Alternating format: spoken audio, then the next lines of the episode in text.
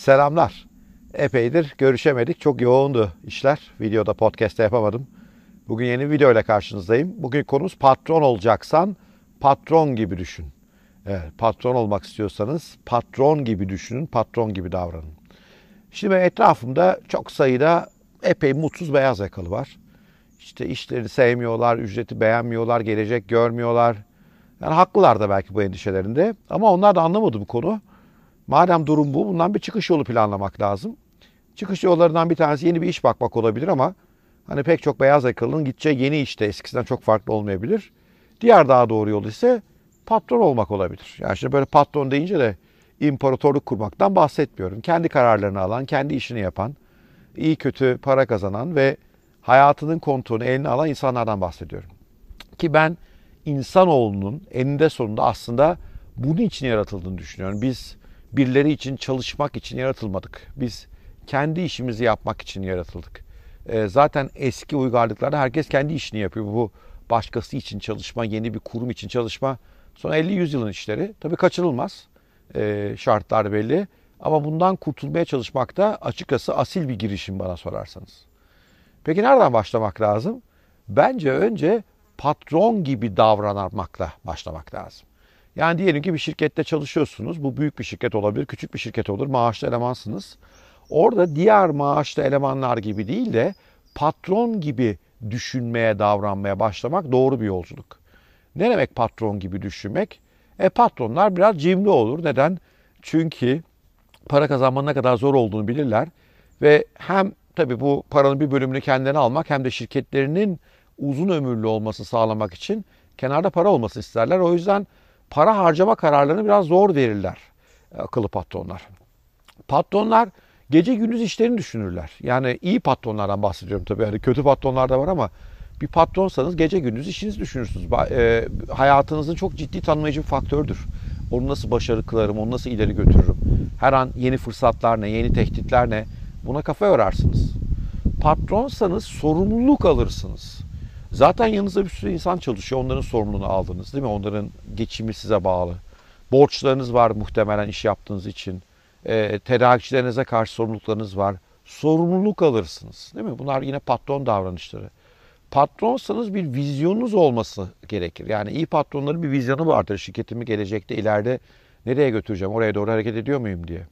E siz bunları normalde bir yerde çalışırken de yapabilirsiniz.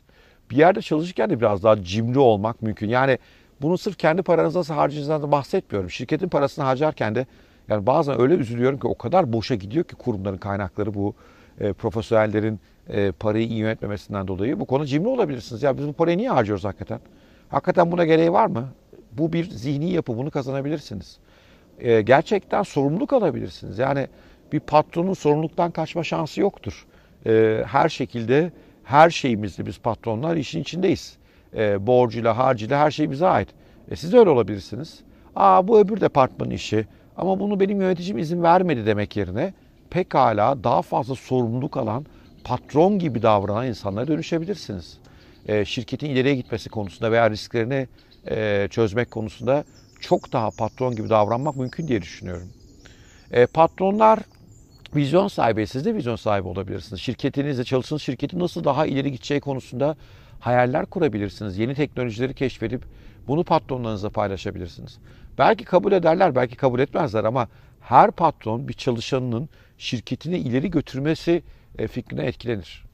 Böyle davranırsanız ne kaybedersiniz? Bence hiçbir şey kaybetmezsiniz. Ne kazanırsınız? İki şey. Bir, patron gibi davranmak konusunu öğrenirsiniz. Bu bir gelişim aslında. Kendinizi geliştirmiş olursunuz ve her durumda bir patron olsaydım burada nasıl karar verirdim, burada nasıl düşünürdüm diye diye muhtemelen kendinizi bu yönde geliştirirsiniz. Ve bu da belki sizin ileride gerçekten patron olmanız konusunda yardımcı olur.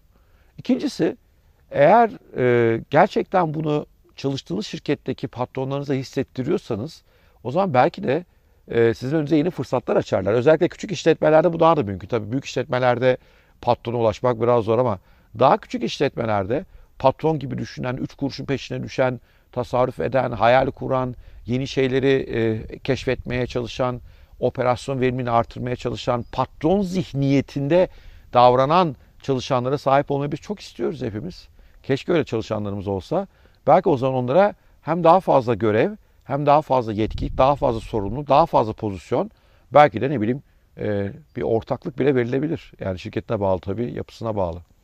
Ben çok inanıyorum. Ben ömrüm boyunca, yani ömrüm boyunca tabii iddialı oldum. Hayatımın çoğunda nerede çalışsam çalışayım patron gibi davrandım. Bu başımı bazen derde de soktu ha yani sokmadı değil. Bazı patron da pek hoşlanmıyor. Bazı patron biraz şeyi seviyor böyle köleleri olsun seviyor ama zaten öyle şirketlerde çalışmayın. Ama çoğu zaman bu beni doğru yere götürdü ve bugün evet küçük bir işim var ama bu küçük işimin patronu olmamı, nasıl bir patron olmam gerektiğini oralardaki deneyimlerimden öğrendim. Beni bu moda soktu, bu havaya soktu ve bugün oldukça sevdiğim işimi kurmayı başardım. Evet, patron olacaksanız patron gibi düşünün diyorum. Umarım bu video hoşunuza gitmiştir. Gitmişse like edin, paylaşın, daha fazla insan yararlansın.